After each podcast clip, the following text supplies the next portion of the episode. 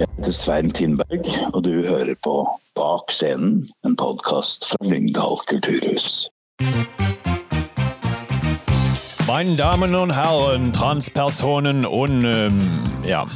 Hei! Hei, hei. Ny episode. Ja, velkommen. Episode to i sesong to av Bak scenen, en podkast fra Lyngdal kulturhus. Og denne gangen spiller vi inn på en ukjent location i Åsom Austa. Ja. Og Odd Ivar er jo selvfølgelig veldig høy på koffein. Som vanlig. Ja, ikke sant? Og vi skal fortelle om hva som skal skje på Kulturhuset den kommende tida. Og så får vi et eksklusivt intervju med Svein Tindberg, stemmen bak Peppa Gris. Ja. Eller i hvert fall fortellerstemmen i Peppa Gris. Ja. Ja. Eh, Og Håkon Handeland har vært med oss i det sydkommunale podkaststudioet vårt, og han har hjulpet oss med en ny kinojingle som vi i all beskjedenhet vil hevde er sykt fet. Ja, den er faktisk sykt fett. Eh, og jeg tenker, Håkon, jeg regner med Ramstein ringer deg ganske snart. Eller kanskje Osvald. Det bør en av de gjøre, altså. Ja, definitivt. For den stemmen til Håkon er bare helt. Yeah. Så det, sett deg godt tilbake i godstolen eller i bilen eller hva det nå skulle være. Denne episoden blir ganske lang fordi vi hadde så mye å fortelle. Men det er ikke dårlig det vi presenterer, så bare kos deg. Håper du liker episoden. Og det kom en veldig fin konkurranse. Ikke minst det. Du kan vinne noe drøyt kult. Et helt eksklusivt produkt som aldri har fantes i denne verden før. Og det finnes bare noen få eksemplarer av det. Så følg med. Følg med. Ja, Pål. Ny episode, og denne gangen så har du sendt meg på tur helt alene. Har det blitt en sånn reisende podkast, eller Onkel Buck? ja, eller Onkel Reisende Mac. Ja, eller det, ja. Det det han heter i Norge. Ja, i, I denne episoden så spiller vi inn i eh, Austad. Denne lille bygda som er kjent for barne-, voksen- og ungdomsteater. Flotte turområder, nærhet til sjøen, fellesskap og et velbrukt grendehus. Ja, og det er jo ikke uten grunn at du har sendt meg ut hit. Og eh, før jeg røper hvor vi er, så må vi jo eh, nesten advare lytterne om at eh, episoden kan inneholde et snev av reklame eller produktplassering. Så hva er ditt forhold til kaffe? Jo, For meg så er kaffe noe jeg må ha hver dag. Jeg vil ha det, og gjerne relativt ofte. Og jeg er stort sett fan av, av mørkbrent kaffe, så jeg er veldig glad i cortado og espresso i det hele tatt.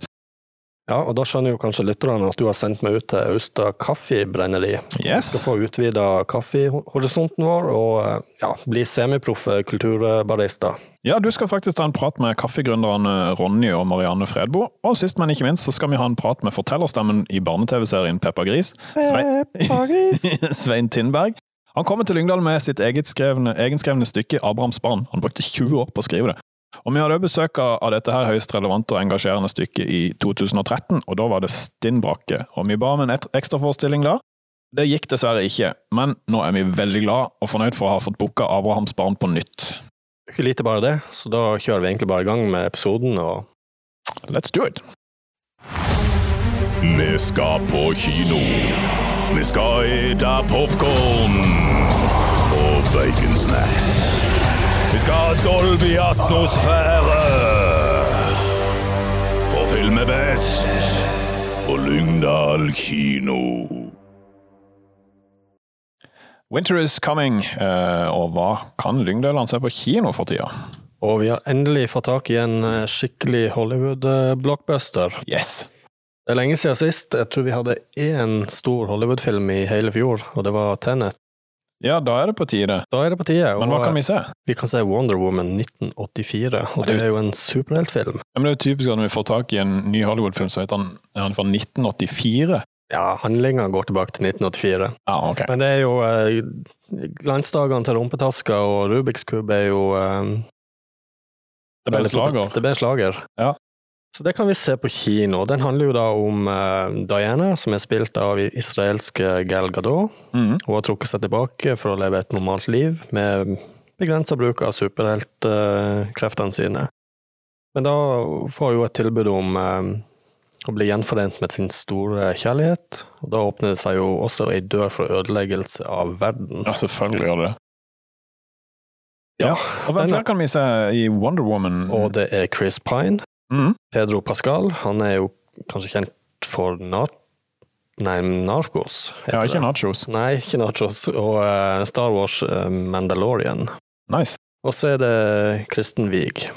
Ja, men dette, dette må jo absolutt være verdt å se. Og det, det passer jo for de som er glad i superheltfilmer, selvfølgelig, men kanskje òg de som liker litt sånn klassisk uh, Hollywood-action. Absolutt. Eh, Og andre filmer som kommer, eller som går da på kino, det er jo Sound of Metal. Den snakka vi litt om i forrige episode. Ja, ta den om igjen hvis dere vil. Ja. Uh, Bien Maya det er jo en animasjonsfilm for uh, barn og barnefamilie. Kjenner jeg godt. Og The Marksman med Liam Neeson i hovedrollen. Han er da en rancher som må forsvare en ung meksikansk gutt på desperat flukt fra kartellmordere. Det er jo ikke noe vi har lyst til å oppleve. Nei. Eh, og så vil jeg òg trekke fram en film som har premiere fredag 19. februar og skal gå eh, en del uker framover. En sykkelfilm. det er en sykkelfilm, og det er jo en del sykkellag i Lyngdal. Mm. Så de bør absolutt uh, kjenne sin uh, besøkelsestid på kino. Og den handler jo om uh, din, den notoriske Tour de France i 1998, som også er kjent som dopingens tour. Dopingens tur, ja. Ja, det var mye doping i det, det året der. Og det var filmen The Racer. The Racer heter den, ja. Ja, kult. Ja, men da er oppfordringa klar. Vi er klar for publikum Ja, kjøp popkorn, kjøp baconsnacks. og gå på kino. Lyngdal kino.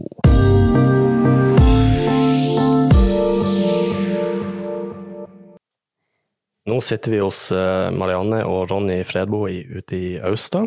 Og Marianne, du fremstår som ei dame med masse selvironi og et positivt syn på livet. Eh, har du noen tips til unge i dag eh, som opplever, opplever mye motgang? Ja, det, dette er det sånn 10 000 kroners Ja, 20 000. Ja, ja. Nei, men det er fint. Nei, jeg, altså nå er jo jeg bare ekspert i meg sjøl, da. Um, men jeg tror nok naturlig så så sammenligner vi oss med andre. Uh, og det tenker jeg det blir på godt og vondt. Det er bra å sammenligne seg med andre, for det kan gi en god følelse. Problemet kommer nok fortere idet en sammenligner seg og eh, tenker negativt om seg sjøl. Um, for min del så det er klart Hvis jeg hadde sammenligna med, med andre om hva de kan og jeg ikke kan, så er det ganske mye eh, som, som kunne ha blitt kjipt for meg. Ja, men det, det virker jo som at du kan altså, Selv om du har de utfordringene som du har, eh, så klarer du jo det meste, vil jeg tro. Ja, det er jo det inntrykket jeg vil gi, da. Ja, og det, det inntrykket gir du òg. Ja. For du har jo vært med i Paralympics, eh, blant annet. Mm. Eh, Kan du fortelle litt om forberedelsene og erfaringene du har derifra? Ja, det, det er jo det er jo sånn et langt svar. Men Ja, men vi, vi takler lange svar. Ja. Nei, men det, er jo, det er klart at det, det har jo krevd mye på mange forskjellige måter. Mm. og gitt eh, vanvittig mye. Eh, men en ser jo i, i den toppidrettskarrieren som jeg fikk lov til å kvalifisere meg inn i, og eh, etter har ha jobba mye, um, så ser en jo at uh, det å bruke tid og tålmodighet, uh, og være nysgjerrig og eh, ja, egentlig bare ha en struktur som gjorde det til at en hadde både framgang, eh, sånn at en kunne og var motivert for å trene 18 timer i uka eh, og reise på stevner og treningsleirer to-tre måneder i året, eh, i tillegg til å jobbe mellom 10 og 30% i den perioden og studere mellom 50 og 100 og være frivillig på teateret her i Austad. Ikke sant. Eh, Men eh, når du, du var jo svømmer. Mm. Hvor drev du og svømte henne? Var det Måtte du utenfor Lyngdal for å svømme, eller? Ja, dette var jo en periode eh, der jeg studerte, og jeg senere jobba. Så det var først at jeg trente alle treningene i Kristiansand. Eh, etter hvert så hadde jeg noen treninger, eller hadde jeg en periode i Oslo og Beitostølen. Og så hadde jeg, eh, før vi bygde huset her, så, så bodde vi på Vigeland, eller i Snig. Og da hadde jeg tre dager i uka reist reiste til Sørlandsbadet, og så hadde jeg tre dager i uka reist reiste til Kristiansand. Åh, så greit. Mm.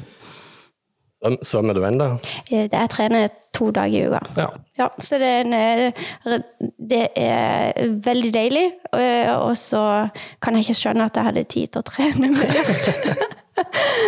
Men nå har jo dere begynt med, med kaffebrenneri, og eh, du er jo også veldig aktivt i Austa eh, teater.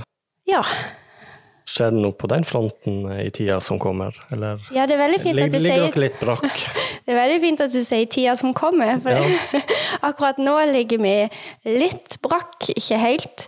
Um, vi skal starte egentlig opp på en litt annen måte, uh, fordi vi har hatt en eh, god ungdomsgjeng som vi har hatt i mange år, eh, som blir eldre og eldre, og naturlig får også andre interesser, og jobb på studier og tar tid. Em, så den er blitt mindre, men da har, i samråd med deg så utvider vi aldersgruppa. Så vi går helt ned til barneskole, eller storskolen, da. Ja. Eh, og da har vi allerede begynt å skrive på et skuespill som da heter em, Hva er det Rødhette og De syv dverger i Kardemomme by. Oi, det blir Ja. spennende. Og det skal dere jo vise da på Grendehuset, vil jeg Ja, det, det er Grendehuset. Dere, dere vil ikke til Kulturhuset, dere? Ja, vi har vært der en gang, men Ja. eh, da så en vender stadig tilbake til Grendehuset. Og så har dere vært en gang til på Kulturhuset, da gikk det ikke så bra? Ja, det har vi. Da, gikk, da skulle vi bare se på det. Ja. Ja, kollaps i kulissene. Det ble jo kollaps i kulissene òg, da. ja. Bokstavelig talt. Eh, Men før vi runder av, eh, jeg har to spørsmål til til deg, Marianne. Ja. Eh, Hva er det beste med å bo i Austad? Det, det jeg heller tenkt på, er det liksom geografien? Kunne jeg ha bodd en annen plass enn akkurat her? Her, liksom på Vollan i Austad? Eller er det folkene? Og jeg tror Det er jo, det er jo folkene. Et, ja. Men jeg liker òg veldig godt å kunne liksom vite hvor henne steinene er, og hvor henne grøfta stopper, og hvor henne det er OK å renne på akebrett og ikke. Ja, ikke sant? Så du vil si at det er både folkene som bor her, og egentlig plassen? Altså Ja. det, det er jo veldig fint i Austa. det er det. Det, ja, det er det. det er Men- veldig fint. Sant? Men så kommer jeg til det siste spørsmålet. Hva er det verste med å bo i Austad? Sånn når jeg kjørte ut hit uh, i dag, så var det jo snø og slaps og glatt på veiene og ikke brøyta og ja, i hele tatt. Ja, Men eh, er det andre ting, bortsett fra det? bortsett fra det. Um, ja, eh, vi kunne jo sånn sett eh, Vi diskuterte dette her, her en dag. Og på en måte kunne jeg ønska meg flere butikker. Mm. For mm, nå er det jo bare Austa kafé.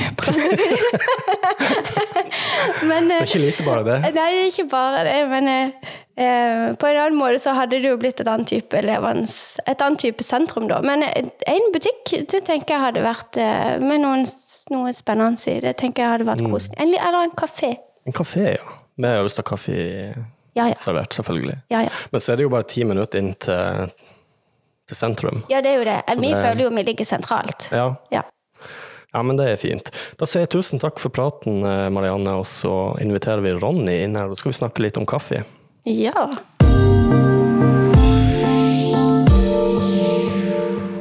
Ja, da er det nytt tema. Da skal vi over til, ka eh, til kaffe. Og eh, vi snakker med Ronny Fredbo, som har starta Listers eh, ja, største kaffebrenneri. Kan vi ikke si det? Jo, det er det jo.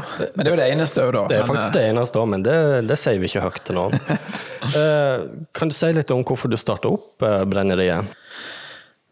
Ja, eller eh, Det var jo egentlig for nesten akkurat et år siden så var vi på sånn eh, ti års bryllupsreise til Alta. Ja. Så det var liksom der det sånn som starta. Men de ti årene før det, når vi, de årene vi har vært gift, holdt på å si, så har vi jo vært, eh, både meg og Marianne, interessert i kaffe. Og gikk mye på forskjellige måter å brygge kaffe på, ikke sant, og sånn. og vi har vært på baristakurs begge to og kjøpt espressomaskin, så kaffeinteressen har liksom vært der. Og så var vi da på, på tur til Alta i en god uke og sov på ishotell og litt sånn. Så når han er i Alta, så må han jo finne ut hva det er å få med seg der. Så da fant jeg et kaffebrenneri. Ja. Eh, Og så skjønte jeg ikke helt hvordan, hvor det var, hen det lå, og når det var åpent, og sånn, så jeg måtte bare sende melding til han. Så det viste seg jo at det var en som hadde et rom i huset som han, der han hadde kaffebrenneri. Så besøkte vi han, og han var lærer, han òg, akkurat som meg. Og så eh, kjøpte vi kaffe, og vi var med og brant litt kaffe, og det var liksom veldig moro. Så når jeg kom hjem, da, så kjøpte jeg en sånn liten kaffebrenner til å ha på, på kjøkkenbenken. ja. Og da var vi jo i mars, og det var liksom akkurat når eh, når skolene og alt stengte ned, så, eh, og alle bare satt hjemme, så kunne jeg sitte hjemme og brenne kaffe. da, Så det var jo veldig greit. Ikke sant? Og så, eh, og så så vi da i mai at han eh, i Alta skulle selge en kaffebrenner. En stor en. Så da Vi begynte jo å snakke om Austa kaffebrenneri allerede med den lille, liksom, for gøy. Men da tenkte vi på det i uke, og så kjøpte vi da den store kaffebrenneren og investerte 200 000, så Så det var liksom i Alta det starta, og så begynte, sant? begynte det å holde. Det er oppe i nord det skjer. Men eh, har dere noen målsetninger for å vokse ut av garasjen? Dere har jo eh, kaffebrenneri i garasjen i et lite rom der. Ja, det var snekkerboden som ble, ble kaffebrenneri nå etter hvert. Ja, så den måtte vike. Den måtte vike, ja. Men det angrer jeg jo ikke på. Nei. Nei, men jeg vil si vi har ikke egentlig ambi- ambisjon om å vokse ut av garasjen. For, for oss begge så er det egentlig veldig viktig at Austa kaffebrenneri ligger i Austa. Så vi ikke lyst til å flytte dere til et eh, industriområde, skulle jeg si, eller noe sånt.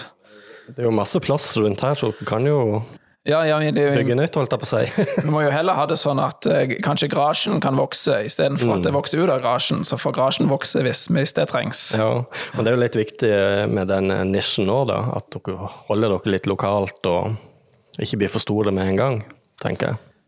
Ja da, mye av, mye av gimmicken blir på en måte at det er et lokalt produkt eh, som, som kommer, kommer herifra. Ja. Eh, Men dere samarbeider litt med butikker i Lister. Kan du si litt om det? Ja, vi eh, leverer f.eks. til Basaren, den eh, interiør- eller gaveforretning i Alen der. Hun som driver den, er jo fra Austad, så det var jo en naturlig plass å, plass å begynne. Og så leverer vi til Otilius, som er en litt lignende butikk i Farsund, på senteret der. Og så leverer vi til Korshavn nærbutikk, og så leverer vi òg til, til Hidra, butikken der. Og grunnen der er at hun som driver den, hun er fra Østa, så, så det var en connection der òg. Mm. Jeg ser en rød tråd her nå. Ja, men nå, nå skal vi sånn sett spre oss litt, eh, litt ut utenom, utenom sånn connection utenom, så vi skal til Kvås nå. Oi. Og, eh, og bli der òg. Så vi, vi vil jo sånn sett heller ekspandere til nye steder fremfor å ha mange butikker i alene, f.eks., eller Ja. samme sted. Så det er liksom den linja vi har lagt dere på, da. Det er lurt. Eh, men hvordan kommer dere opp med nye ideer til kaffevarianter? Ja, nei, noen varianter, sånn som kringlekaffe, hadde vi liksom allerede navn på før vi hadde, før vi hadde starta opp. holdt Ja. på å si. Og så gjaldt det jo å finne en kaffe og kjøpe inn en kaffe som, som passer, passer den, eller passer navnet, da. Passer til kringle? Ja. Men så er det jo noen navn som, eh, som kommer med kaffen, sånn som Kånekaffen. Så var det at vi kjøpte inn en kaffe som var en del av et prosjekt der, alle, der bøndene er kvinnelige bønder. Sånn at det var på en måte damer som skulle ut i arbeid og, Mm. og var produsentene av den kaffen.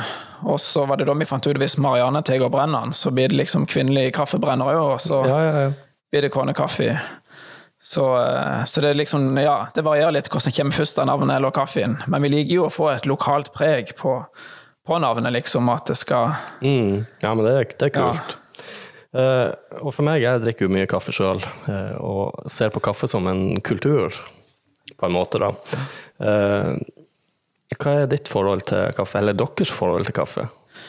Ja, nei, Som jeg nevnte tidligere, så har vi liksom alltid vært interessert i kaffe, og ikke bare lage kaffe på én måte, men på flere måter. Og det er jo blitt litt sånn som for mange nordmenn, at når du får besøk, så, så er det servering av kaffe du spør nesten ikke. Du bare setter på kanna med en gang, skulle jeg si. Ja. Eh, Så sånn, sånn har vi det jo, og at det blitt liksom, det blir på en måte et samlingspunkt. Om du er, om du er på jobb eller hjemme, eller eh, hvor du er. Mm. Eh, og kaffe er jo ikke bare kaffe. Det er jo, altså Den beste kaffen får du jo hvis du kverner bønnene ja, så, Absolutt. så, så tidlig som mulig, holdt jeg på å si. Eh, men uh, traktemetode, da? Hvordan, eh, hva er det beste tipset du har der? Nei, der, eh, altså når jeg begynte å drikke kaffe som student, så gikk det jo i kaffetrakter, liksom. Og så var det etter hvert, når vi fikk vel presskanne til, til bryllupet, så det starta liksom at eh, ja, kaffe kan være noe annet enn bare på den traktoren. Eh, og så har vi prøvd mye forskjellig, og vi har mange ting vi varierer litt på, men det vi sånn sett har landa på nå, som vi liker best, det er for så vidt filterkaffe, det òg. Men at det er håndbrygg. Ja. At du koker vann, og så heller over filterholderen sjøl. For det gir deg mye mer frihet til, til å la kaffen blomstre, f.eks. først. Eller du kan eh, styre litt hvordan du gjør det, eller hvordan temperatur. Temperatur på vannet er ganske mye å si for hvordan kaffen blir, sånn at her kan du trikse mye mer, da. ja. Eh, Og nå svarte du egentlig litt på det som jeg skulle spørre deg om. Det var jo hva blooming eh, er for noe. Og det er jo den blomstringa helt i starten av traktormetoden, da. Ja, det da heller du på kanskje 10% cirka av vannet først, og da er det viktig at all kaffen blir, all gruten liksom blir bløt, helst så samtidig som mulig. At du kanskje rører eller blander litt, og så skal det stå og, og hvile, liksom, eller blomstre, som vi da sier, i 30 sekunder. Og det som skjer da, er jo at veldig mye karbondioksid slipper løs. Så hvis du bare heller på vannet med en gang, så vil den karbondioksiden være med på å sette smak på, på kaffen. Og det er jo litt av det samme som gjør at når vi just har brent kaffe, så sier vi at den skal hvile i fem dager før du, før du drikker den. Og det er jo fordi han skal slippe ut karbondioksid, som vi vil lufte vekk liksom før han eh, drikkes. Ja. Uh, cupping er jo òg et eh, ord innen kaffebrygging. Hva, hva er det egentlig? Ja, cupping det, det kunne egentlig ikke jeg heller noe om før vi starta kaffebrenneri. Men det er jo en metode som brukes liksom i flere ledd i, i kaffebransjen. Eh, og sånn sett, eh, til deg som sitter hjemme og drikker kaffe og smaker noe nytt, så vil jeg egentlig anbefale å smake eh, to kaffe på siden av hverandre for å kunne sammenligne eh, om du brygger de på traktoren eller hvordan du gjør. Men det vi gjør når vi er cupping, da skal du sammenligne kaffe helt nøytralt, ikke påvirke av bryggemetode. Og det skal være samme temperatur, liksom alt skal være likt. Så det vi gjør, det er at vi tar eksempel, vi kan brenne inn Hvis vi brenner samme kaffe på tre forskjellige måter, så vil vi sammenligne dem. Så da eh, har vi tre, tre kopper med akkurat like mange gram kaffe. Altså Da skal vi være nøyaktig helt ned til tidels gram på måte Ja. for å få det likt. Heller varmt vann rett opp, oppi der, og så blir det jo egentlig en bryggemetode som minner om kokekaffe, med at det trekker i koppen i fire minutter, og så rører du litt med ei skje, så det gruten synker til bunns, og så smaker vi fra kopp til kopp med ei skje, da. Ja. Så det går jo på å sammenligne og kjenne små nyanseforskjeller, da, sånn, for å finne ut hvilken var best, og hvilken, hvilken, hvilken eh, brenneprofil velger vi da, når vi skal produsere kaffen. Og, og det er jo litt i neste spørsmål igjen, eh, for det finnes jo uendelig nesten med smaksnyanser i kaffebønner. Hvordan eh, får dere fram de forskjellige smakene, og har du en favorittsmak som du bare må vende tilbake til? Ja, De sier jo at i vin for eksempel, så er det 150 smakskomponenter. Ja. Mens i kaffe så er det, jeg har lest alt fra 450 til over 1000. Ikke sant? Eh, Og da har vi jo på en måte et sånn smakshjul vi kan gå ut ifra med masse, masse smaker. Noen av de er jo smaker du ikke vil ha i kaffen, som f.eks. gummi eller tobakk eller petroleum. Det er sånn man ikke har lyst til skal være en del av det. Men mye av smakene er jo selvfølgelig gode smaker. Eh, Og da er det jo litt sånn at bryggemetode og sånt, det er mye som vil påvirke dette. Og samtidig vil jo eh, råvaren ha veldig mye å si. Du kan jo ikke, verken brenneren eller han som brygger, kan skape noen nye smaker som ikke er der i råvaren fra før. Nei. Men en sånn gyllen regel, så kan vi jo si at, at eh, hvis en ser på smakshjulet, så så har du f.eks. sånn grønne smaker, altså urte eller høy eller ting du ikke vil ha. Det er kaffe som ikke er brent nok. Så går det over i litt mer sånn blomster eller florale smaker eller fruktige smaker. Og det er det mest da i, eh, i lysbrent kaffe. Det handler om at det er høyt syreinnhold og sånn. Ja. Så når du fortsetter brenninga, så går den på en måte litt videre på smakshjulet, og så begynner syra kanskje å dempe seg litt, forsvinne litt. Eh, Og så begynner sukkeret å karamellisere seg. Og da får du fram mer sødme, litt mer hint av karamell eller sjokolade eller den type smaker. Så hvis den fortsetter å brenne, så kommer den mer over i litt sånn brente smaker eller nøtteaktige smaker eller kanskje krydder. Eh, Og til slutt litt bitter kaffe hvis du brenner den veldig mørkt. Sånn at uh, en har liksom råvaren en har, og så òg ut ifra hva slags type kaffe det er, eller hva du vil med kaffen, så prøver en å finne den, den beste profilen, om du vil ha mye syre, mye sødme osv. Mm. Dette går jo på tid, da. Altså, du må være pinlig nøyaktig på, på brennetida, vil jeg tro. Ja, stemmer. For da, da har jeg en brenner så jeg kan hive i eh, maks tre kilo omganger, da, så det er jo ikke en stor brenner sånn sett. Eh, og så på en måte veien opp, at temperaturen i bønnene stiger veien opp, er jo ganske lik. Det gjør vi jo litt forskjellig etter type kaffe. Men det viktigste er liksom eh, når du kommer opp til et visst punkt, det varierer jo eh, på kaffen når det er, men da kommer du til noe som heter first crack. Og da popper kaffebønnene. Så er det liksom den viktigste tida som i, eh, i forhold til om du skal ha lysbrent eller litt mer søt eller mørkbrent, det er tida fra first crack og hvor tid du slipper det ut. Og da tester vi av og til prøvebrenninger med veldig ja, fem sekunder eller sånn forskjell, og vi merker stor forskjell på det. Ja, du gjør det, ja. ja. Men det er jo veldig interessant. Eh, men eh, favorittbryggemetode? Jeg bruker jo Hario og Chemex. Chemex er jo min favoritt, men hva er din favorittbryggemetode? Ja, ikke sant. Ja, for vi, vi, har liksom vært Vi hadde lang, en lang periode vi brukte mye presskanne, f.eks., eller vi har jo brukt mokkakanne og litt sånt. Men vi har jo endt med, med Hario. Nå har jeg ikke Chemex uh, sjøl, og jeg har jo absolutt prøvd det òg. Men, uh, men, jeg syns Hario uh, V60 er absolutt best. Og da, da har du jo en filterholder, også hele vannet over sjøl. Og kan kontrollere en del av tingene jeg sa i stad òg. Så det er det jeg syns blir absolutt best. Og det blir jo litt mer litt, litt renere kaffe på en måte enn presskanne, kanskje, mm. som har metallfilter. Så blir den litt renere gjennom et papirfilter. Så, så har jeg jo definitivt best. Eh, så bruker jeg litt Aeropress og sånne andre ting òg. Men nå har vi jo begynt blitt forhandlere av Hario-utstyr. Så. Så det er jo litt nytt. Og etter det jeg vet, så er vi den eneste forhandleren i Lister av det utstyret òg, så får jo håpe at uh, Lyngdøl er interessert i ja, de kan komme ut godt bryggeutstyr. De kan komme ut og kjøpe helt fersk kaffe og uh, bryggeutstyr. Det det er, jo, gull, det. Ja, men det er fint. Eh, jeg ser vi har fått noen poser kaffe her. Finkulturkaffe. Det er jo en egen, egen kaffe til podkasten vår. Ja, stemmer. Kan du fortelle litt om den? Ja, Det er en kaffe fra, fra Peru som ikke vi har lansert ennå, men den kommer jo for salg etter hvert. Kanskje akkurat som han er i denne posen, eller kanskje litt annerledes. Det kommer an på. Eh, men det er en kaffe fra Han er dyrka 1908 meter over havet. Og Det er jo et sånt kvalitetstegn på kaffe at han er eh, høyt over havet, der det gror seinere, og det kommer mer smak inn i, inn i bønnene. Og så er det en vaska kaffe, som betyr at de eh, tatt eh, kaffebønna ut av bæret relativt kjapt da, og vasker den rein. Eh, I motsetning til bærtørka kaffe, som eh, tørker som en rosin, som gir ganske mange andre smaker. Eh, sånn at Og så er vi jo vi er for så vidt lagt vår elsk på mye kaffe fra Afrika, så vi er liksom ikke like drevne ennå på, på Sør-Amerika. Så det er jo litt spennende ja. å prøve noe nytt. Og da skal vi jo lodde ut den kaffen til noen av våre lyttere, så det er bare å følge med på, på spørsmål etter hvert, og hvordan dere skal svare på det.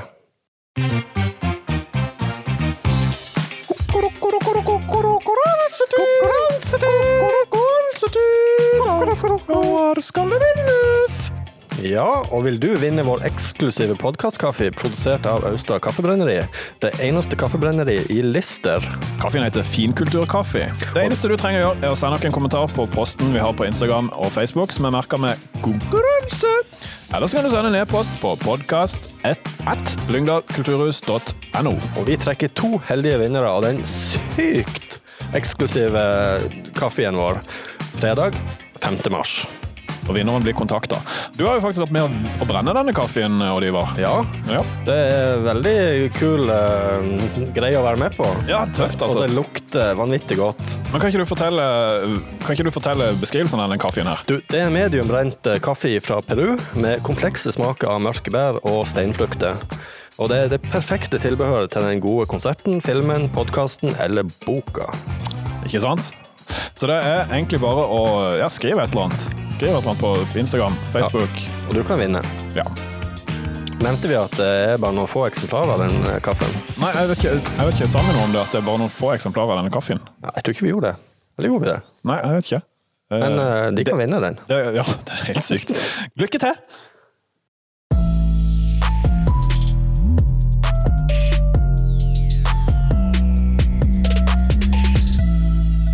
Du hører på podkasten Bak scenen, en podkast fra Lyngdal kulturhus. Det skjer mye på kulturfronten nå, Pål, og søndag 21. februar klokka ett ja, da får vi besøk av Teater Joker, og de har med seg forestillinga 'Det var en gang, det ble et nå'. Og det er jo, som mange kanskje allerede har skjønt, det er basert på eventyrernes verden. Om prinsesse og troll og i det hele tatt passe fra store og små barn fra 4 til 100 år, og det er som sagt Teater Joker, som er et fritt scenisk kompani. De har vært her før med bl.a. Reven og Grisungen, hvis noen husker det. av Bjørn Rørvik, basert på de bøkene hans sine. Eh, fint eh, og veldig hyggelig teaterstykke. Tre skuespillere som skal fremføre masse gøy for barn og voksne.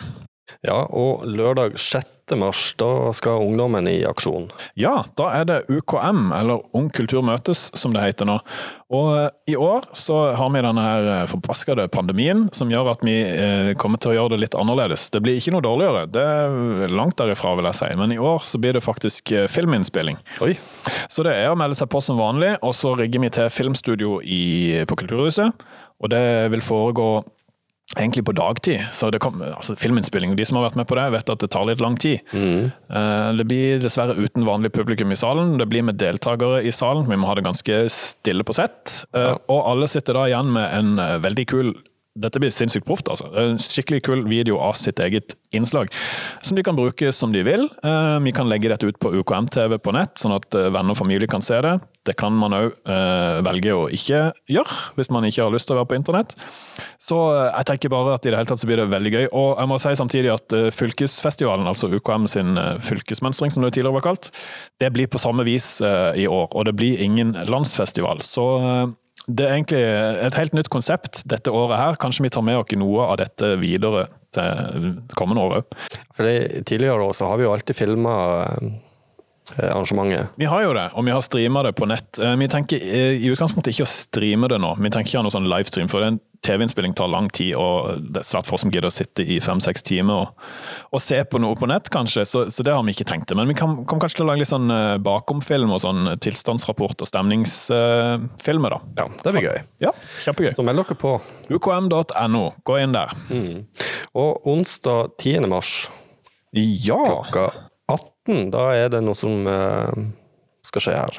Ja, da er det faktisk ei utløe i Kvås som forteller dramatisk krigshistorie. Det er et foredrag med Magne Haugland, som mange av dere kjenner fra før, eh, i sal 1 på Lyngdal kulturhus. Og eh, det er jo mange som har, som har hørt om denne her, eh, denne her hytta inne på Vestheia i Kvås. Der ligger det ei, lita utløe i kanten av ei myr, og med døra inn til løa er det festet et bilde av ni amerikanske flygere fotografert foran de sitt store B-17 bombefly. Og Dette er dager før de skulle på tokt til Knaben. Men eh, kanskje ikke alle vet hva som skjedde i denne utløa og i distriktet omkring noen dramatiske novemberdager i 1943. Og 12. mars klokka 11, da er det noe som skjer òg. Ja, det Byvandring. Ja, det er veldig gøy. Uh, da er det byvandring i Lyngdal. Uh, et utearrangement, da, naturligvis. Uh, så her eh, Lyngdal har jo hatt bystatus i 20 år. Så nå er det faktisk på tide med en ekte byvandring. Og det er Åse Marie Leksbø som tar med på en lokalhistorisk vandring i Lyngdal sentrum. Her vil du annet få høre historien om Paulsens hotell, gamle Tingstua, Tingtun, Rådhusparken og mye mer. Og Da er det oppmøte utenfor hovedinnganger til Lyngdal kulturhus, og det tar omtrent en times tid. Husk sko, varme klær. Og så etterpå så er dere velkommen til en kopp med noe varm drikke på Lyngdal kulturhus. Dette er altså en del av opplegget til Den kulturelle spaserstokken. Les mer på, på lyngdalkulturhus.no. Og 13. mars klokka ett, Ja, da er det noe musikk. det er faktisk det. Askild Holm kjenner sikkert mange av dere, og han er frontfigur i Superbandet. Og Superbandet skal nå feire Knutsen og Ludvigsen. Eh, Det gjør de som sagt lørdag 13. mars klokka ett i den store salen. Og Knutsen og Ludvigsen trenger vel kanskje ikke noe videre introduksjon. De fleste kjenner nok de, både besteforeldre, og foreldre og barn, håper jeg. Hvis ikke så må dere hjem og gjøre leksene deres. Men Superbandet er Norges kuleste og mest tøysete barneband. Og i 2021 så skal de feire 50-årsjubileet til Knutsen og Ludvigsen her på Lyngdal kulturhus. Det er tre stykk i bandet, og det er bånn gass. Det er bare å glede seg, og billettene ligger ute for salg. Men som om ikke det var nok, så har vi jo mer på, på lur på Kulturhuset, har vi ikke det? Det er helt riktig. Onsdag 17. mars eh, klokka 18 så er det et foredrag med Berit Rikard, og det heter 'Krigsseilerbarna og deres historier'. Og Hun er selv datter av en far som var krigsseiler, og i foredraget så får du høre om eh, hvordan barn av krigsseilere har blitt påvirka av sine foreldre sin historie, og ja, hvordan dette har vært gjennom de sin oppvekst. Eh, og hvordan har f.eks. krigsseilerne og familiene de sine blitt behandla i det norske etterkrigssamfunnet, og hvorfor er det så mange krigsseilerbarn som sier at de ikke har snakka om sine oppveksterfaringer før de kom langt ut i livet? Det er noen av spørsmålene som Berit Rikard vil komme inn på i foredraget. Så, og Hun har også gitt ut bok eh, 'Fra sjømann til soldat krigen som aldri tok slutt'. Så eh, som sagt, eh, onsdag 17. mars klokka 18, løs ut billett på nett, selv om det er gratis. Sm- Smittevern, you know. Ja, og fredag 19. mars klokka 19, da er det jo rosinepølse og toppen av kransekaka og ja, i hele tatt. Ja, det er akkurat det det er. Det er Abrahams barn av og med Svein Tindberg. Vi har jo hatt en prat med Svein Tindberg i denne episoden, og eh, så jeg skal ikke introdusere stykket så veldig mye mer enn det, men jeg vil bare tilføye at det er begrensa med plasser. Eh, Så eh, vær tidlig ute hvis du har lyst til å få, få kjøpt deg billett. Forrige gang han var her i 2013, så var det stappfullt, og nå er det jo ca. halvparten av den kapasiteten pga. korona. Så eh, ja, det sier seg sjøl at man må være litt tidlig ute, da. Mm. Og onsdag 24. mars klokka seks, da kan du stille opp på Byremo bibliotek. Mm. Og få med deg et bokbad med Jørgen Brekke i samtale med Petter Røren. Uh, han er jo krimforfatter, han Jørgen, og han besøker Byrmo bibliotek med Petter Røren som samtalepartner. Og du vil få høre mer om uh, hans sine bøker denne kvelden. Han eh, debuterte med Nådens omkrets i 2011, og eh, har siden solgt eh, en rekke bøker til en rekke land. Han har skrevet krimromaner ungdomsromaner, og har mottatt flere priser for sitt forfatterskap. Og Det er gratis arrangement, men pga. smittevernhensyn må vi ha forhåndspåmelding. Da er det rett og slett sende påmelding til Tone Valand på e-post. Det finner du mer info om på våre nettsider, så jeg skal ikke gjenta så mye av det. Og det var godt du sa nettside, for at eh, programmet vårt er jo alltid oppdatert på nett. Ja, og det Og- kan jo, som, som vi var innom til, det kan jo skje at det skjer endringer i programmet. Mm. Det kan bli avlyst, og vi håper jo ikke det. Nei, men eh, det skjer stadig endringer i smittevernsregler og alt sånt. Men jeg vil også tilføye at du kan trygt kjøpe billett. Eh, Vi refunderer hvis ting blir avlyst. Ja, og det er trygt å gå på kino og arrangementer hos oss. Det kan du være trygg på.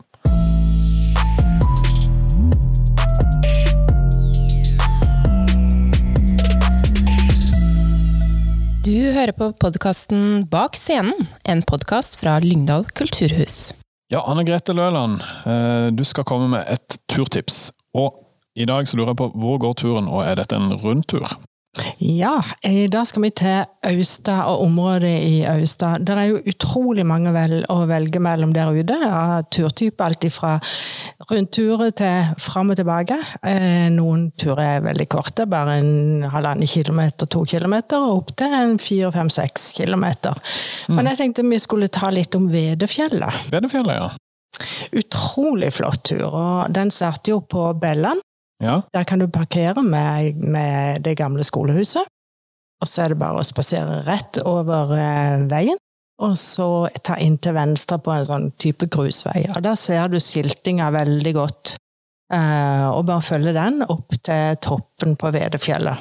for dette er de grønne skiltene som folk har blitt vant med å se nå. Det er de grønne skiltene, og det er en enkel tur som passer for alle. Og når du da kommer på toppen, så er det ei helt vanvittig utsikt. Ja, og hva ser du da? Der ser du eh, ut til Farsund, du ser uh, rett ut til havet, og du ser uh, ned til, til vannet, Børvannet. Mm. Eh, og du ser selvfølgelig litt innover heiene. Men det, det er kjempefint der oppe, og det er bord og benker. Og så er det ei flott infotavle om den gamle historien der. Og Ja. Det er jo det som gjør turen så ekstra spennende, syns jeg. da. Mm. Og er, det noen sånn gjestebok? eh, Det er der. Eh, Det er ei lita gjestebok, en sånn postkasse som du kan skrive deg inn i. Da er vel oppfordringa klar? Ta Ja. på, ta på deg spaserskoene. Men jeg har bare lyst til å si litt mer om den historien der. Ja! Kan jeg det? Skyt! Så fint! Fordi at eh, for, eh, før i, i gamle dager, skal vi si det, eh, så var det vaktposten. Eh, der de kunne stå og se når det kom eh, fiendtlige krigsskip inn mot kysten. Ja. Og hvis de så et skip, så tente de en, et svært bål. Og det var signalet videre til neste vaktpost. Og det sies jo at det tok syv dager før varselet nådde Nord-Norge. Så det var den tidens Facebook, tenker jeg. Ja, ja. Forløper til telegraf og Nettopp. mm. Ja. Nei, men da er oppfordringa klar, Oliver. Ta turen til Austa og Vedefjellet. Og få på deg spasersko. Ja. Kom deg ut på tur. Og god tur! Så nå har folk eh, fått på seg turskoene, men det er ikke alle som vet hvor de skal gå for å få mer informasjon. Har du noen tips da, Anne Grete? Da vil jeg jo først og fremst eh, ønske de velkommen inn på turistinformasjonen i Kulturhuset i Lyngdal. Eh, her har vi jo et veldig godt utvalg av kart. Eh, både gratiskart, eh, som er sånn eh, kortkart, som vi kaller det. Som viser mange forskjellige turer, både i Lyngdal og i andre kommuner. Og så har vi selvfølgelig kart som vi selger, sånn ordentlig store turkart, mer detaljerte. Mm, med fiskeplasser og diverse og sånt? også? Ja, fiskeplass og badeplass og jeg vet ikke hva. Så eh, det er jo det beste tipset, da. Men selvfølgelig, eh, hvis du går på smarttelefonen din, så kan du bare gå rett inn på appen som heter ut.no. Eh, og der finner du utrolig mye. Det er å bare legge inn Lyngdal, så plopper de opp den ene turen etter den andre med veldig god beskrivelse. Så har vi jo ei flott eh, nettside som heter Lister over friluftsråd. eh, Og der ligger det òg beskrivelse av alle turene i hele regionen. Så det er jo min gode anbefaling. Det hørtes eh, både enkelt og veldig kjekt ut. Det er det. Så egentlig så er det ingen unnskyldning for, for å ikke finne fram her. For det er gode muligheter på det. Ja. Nei, men Da er ønsker alle sammen riktig god tur, og kom dere ut.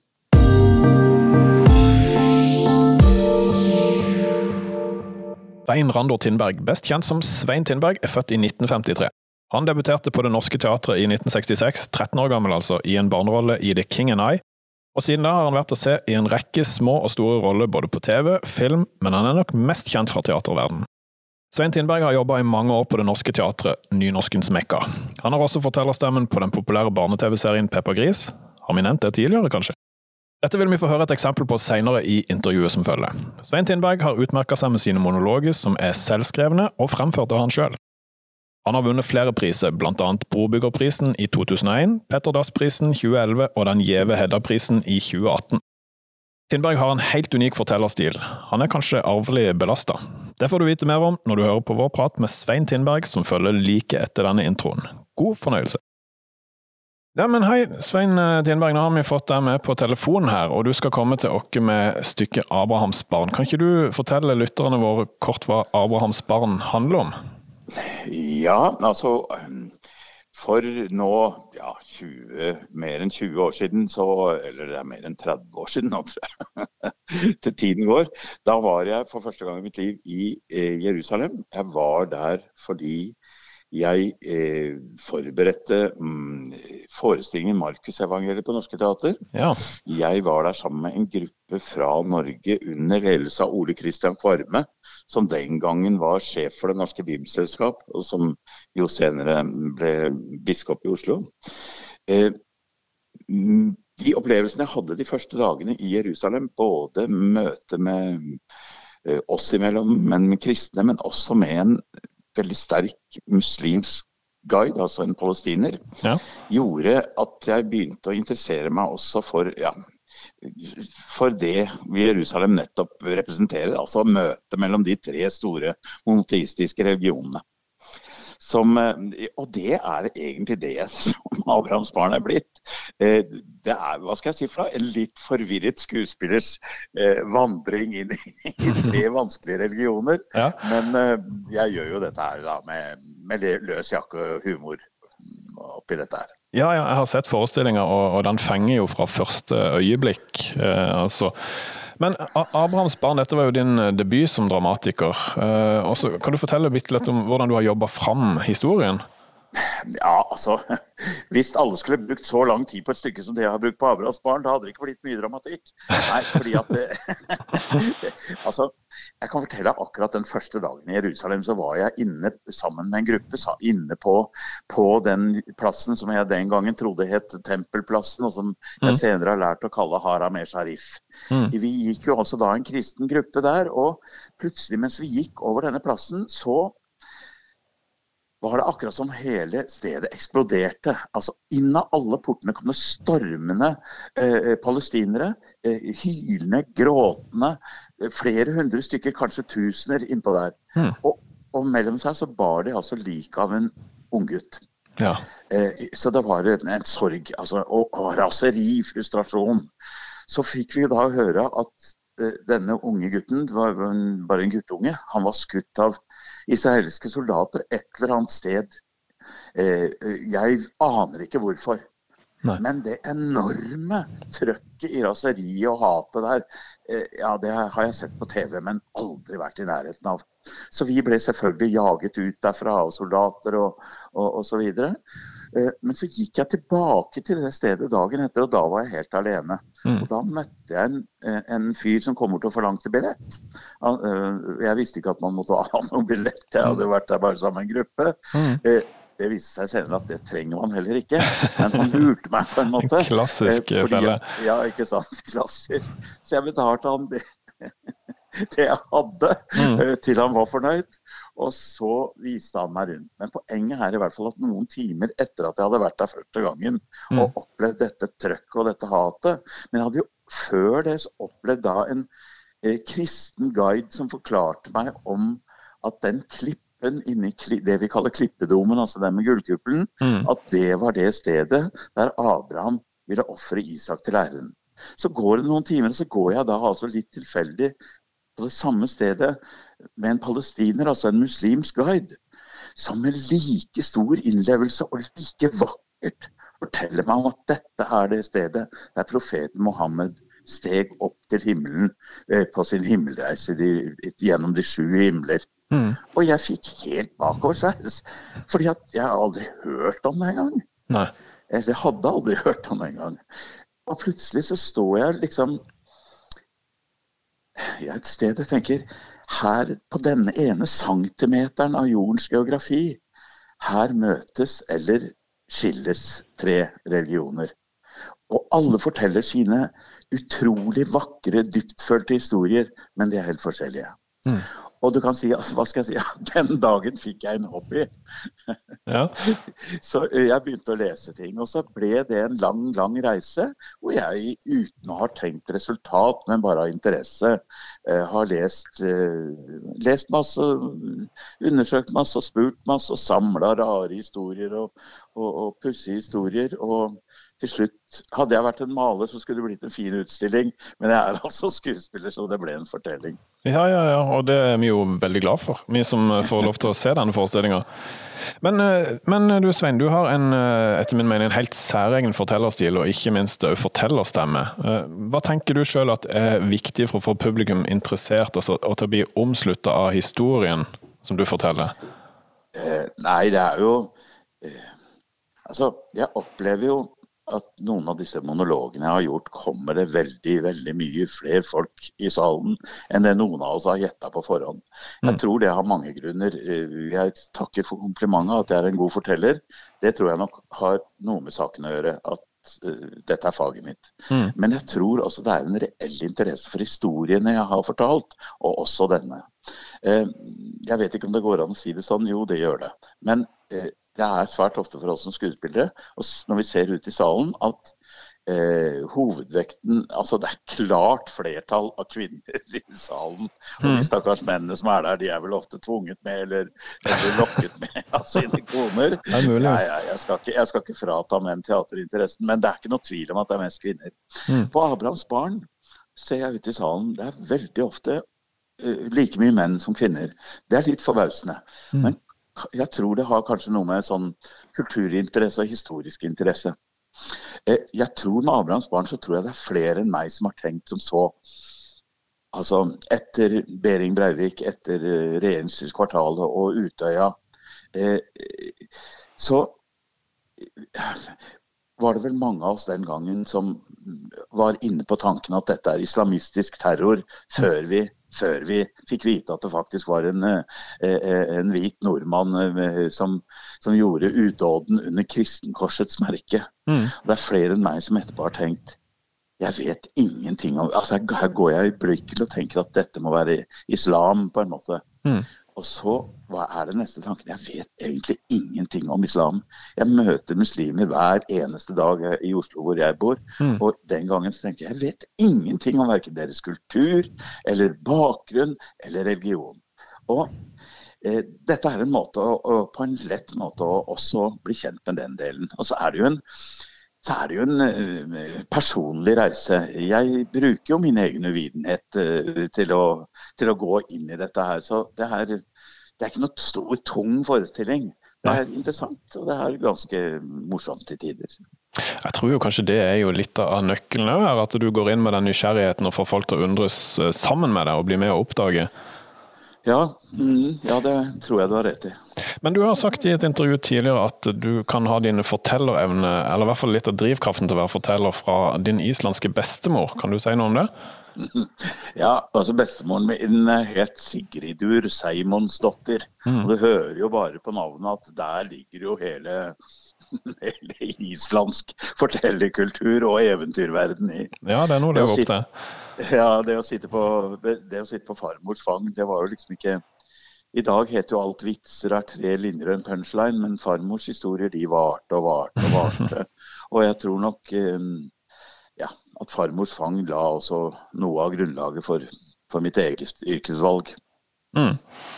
Men Svein, du kan jo på mange måter sies å ha blitt født inn i teaterlivet. Eh, du må arrestere meg hvis jeg tar feil, altså, men du debuterte allerede ganske tidlig i 1966 med en rolle i The King and I. Og siden den gang så har du hatt en rekke større og mindre roller. Kanskje primært på teaterscenen, men du har òg vært i film. Og, mm. og, En ting som mange sikkert har lagt merke til, er at du eh, lager stykket og har rolle av religiøs karakter. Eh, F.eks. evangeliet til Markus, apostlenes gjerninger og, og her eh, Abrahams barn. Kan du, kan du fortelle litt om hvorfor dette er så viktig for deg? Nei, Det er jo egentlig en tilfeldighet at det ble sånn. Jeg, jeg kommer ikke fra noe spesielt religiøs bakgrunn og har ikke hatt noe ja, det har ikke vært noe engasjement for tro i, i, mitt barndomshjem. Så det er egentlig jobben min som, som, har gjort at jeg har snublet over det som for meg ble et interessant felt. Mm. Eh, masse masse år siden så skulle jeg spille Johannes i Ordet av Kai Munch. Ja. Eh, og eh, Johannes eh, han eh, er teologistudent, og jeg følte at som så ofte så vet rollen mye om noe som jeg ikke vet noe om. For Johannes slet med tvil og tro, så jeg måtte på en måte prøve å sette meg litt inn i, inn i det. Og fikk jo hjelp av, uh, av mange. Mm. Uh, og det var jo stort sett Johannes-evangeliet som det gikk på, uh, som var grunnlaget for det stykket. da. Og Mm, derfor begynte jeg å lese også Johannes evangeliet, selvfølgelig. Mm. Eh, fordi at det var ja, hva skal jeg si, research til jobben. da. Ja, selvfølgelig. Men så merket jeg vel at de tekstene satte seg fast litt mer enn eh, enn andre tekster. Det var noe med at de tok tak i noen drømmer og noen lengsler, og, mm. og eh, ja, gjorde at jeg fortsatte vel å lese i den boka. Så noen år senere, når Kjetil Bang-Hansen og jeg bestemte oss for at vi skulle prøve å gjøre en en enkel teaterforestilling som skulle baseres kun på fortelling. Mm. Altså størst mulig grad enkelhet. Så var vi inne på masse masse muligheter man kunne tenke seg. Odysseen eller Tusen og en natt, eller hva vet jeg. Men så endte vi altså opp å prøve oss på Markusevangeliet. Og det var ikke i utgangspunktet av religiøs interesse, men fordi det er en fantastisk fortelling, og fordi det er en slags ja, en grunnsten i, i, vår kultur. da. Mm. Så, men gjennom arbeidet med Markusevangeliet var det på en måte at jeg fikk engasjementet for disse tekstene. Jeg oppdaga hvor gode tekstene var, og også hvor spennende det var å, å jobbe i et landskap der, der du står på scenen og noen har kommet i salen fordi at de syns det er interessant med fortellerteater, mens andre er der fordi de tror på tekstene som jeg forteller. Ja. Og så har jeg vel endt opp med å få et slags engasjement der, fordi at jeg syns selve begrepet tro er spennende. Det, for meg er det i slekt med å tørre å tro på noe man ikke kan bevise, altså som f.eks. kjærlighet eller vennskap. Ja, det var, det var fin, et fint resonnement. Eh, og Stykket 'Abrahams barn', eh, Svein. Eh, hva kan publikum forvente seg når de kommer for å se det? Eh, ja eh, Nei, jeg håper jo at eh, altså For meg er det i hvert fall sånn at jeg har her, her hvor jeg bor, har jo det, teatrene vært nedstengt så lenge Mm. at jeg gleder meg i hvert fall veldig til å få lov å møte publikum igjen. Ja, Så jeg håper at vi kan samles sammen rundt et spennende stoff, eh, og i glede over å se hverandre igjen. Og jeg har sett forestillinger, og det, det skriver jeg under på. Det, det er noe å glede seg til. Eh, Jeg vil over på et litt annet spor nå, nå før vi runder av. Eh, Du har jo du har bl.a. fortellerstemme på en av barnas favoritter, nemlig Peppa Gris. Som eh, i hvert fall, i hvert fall har jeg sett det et unevnelig antall ganger. Og så lurer jeg på hvordan er det å jobbe med barneproduksjoner kontra produksjoner for voksne? Ja, altså Barneproduksjoner og voksenproduksjoner i forhold til dette her å legge på stemme, altså voice eller dubbing, dubbing, det er egentlig ganske likt. Men det er klart at det er stor forskjell på å jobbe på Abrahamsbarn og, og Peppa Gris. Du mener, det, ja? ja, du vet at eh, når jeg sitter med f.eks. Peppa Gris, da, hvor jeg har fortellerstemmen, så så eh, sitter jeg jo inn i et studio med headset på en TV-skjerm foran meg hvor Peppa Gris ruller og går, og det er en tidskode i bånn der som teller ned til, til jeg skal si i dag skal Peppa og Georg i lekegruppa, sier jeg. Og så er det en ny tidskode, og da sier jeg alle elsker å hoppe i søledammer. Og så er jeg ferdig med den episoden, så noe mer vet ikke jeg om den episoden. Så når folk kommer til meg og sier ja, å, datteren min syns det var så søtt med den, med den sebraen i går, så aner ikke jeg hva du snakker om. Jeg har i grunnen ikke sett mer enn det jeg har gjort. Nei, riktig. ja. Nei, men Det var oppklarende så fint. Så du har ikke sett like mye Pepper Gris som jeg har da, sikkert? Nei, men jeg vil si at jeg, jeg har jo barnebarn etter hvert, så jeg ser litt Peppa Gris nå. Men det er like overraskende for meg som for dem, for å si det sånn. Ja, riktig. Ja, nei, det, det, det redder i hvert fall Peppa Gris veldig for meg, så takk skal du ha for at du har den fortellerstemmen. Er det noe du ønsker å tilføye her på tampen, eh, Svein? Og tusen takk for en hyggelig prat. Ja, i like måte. Takk for en hyggelig prat. Nei, jeg kan, jeg, jeg kan ikke si noe annet enn at jeg gleder meg virkelig til å komme ut på uh, turneen. Og, og eh, jeg gleder meg til å komme til dere og håper at vi møtes der. Eh, Jeg skal ut på en lang turné. Jeg skal på ja, et sted, en 40-50 kulturhus. Jeg har en, jeg har en stor jobb foran meg. Det er ikke det er, Ja. ikke, du, det er ikke noe du rister ut av ermet og stå alene på scenen i over to timer. Nei, det er en jobb, det. Jeg gledegruer, for å si det sånn. Ja, ja, det forstår jeg. Nei, for Du har vært her før med stykket, og vi gleder oss stort til å få deg tilbake. Det var stinn brakke sist gang, og det blir det nok denne gangen òg. Ja, la oss håpe det. Da sier vi bare takk for praten, Svein, og eh, så ses vi i Lyngdal. Ja, det gjør vi. Du har hørt podkasten Bak scenen, en podkast fra Lyngdal kulturhus. Hør flere episoder på Spotify, Apple Podkast eller din foretrukne podkastavspiller.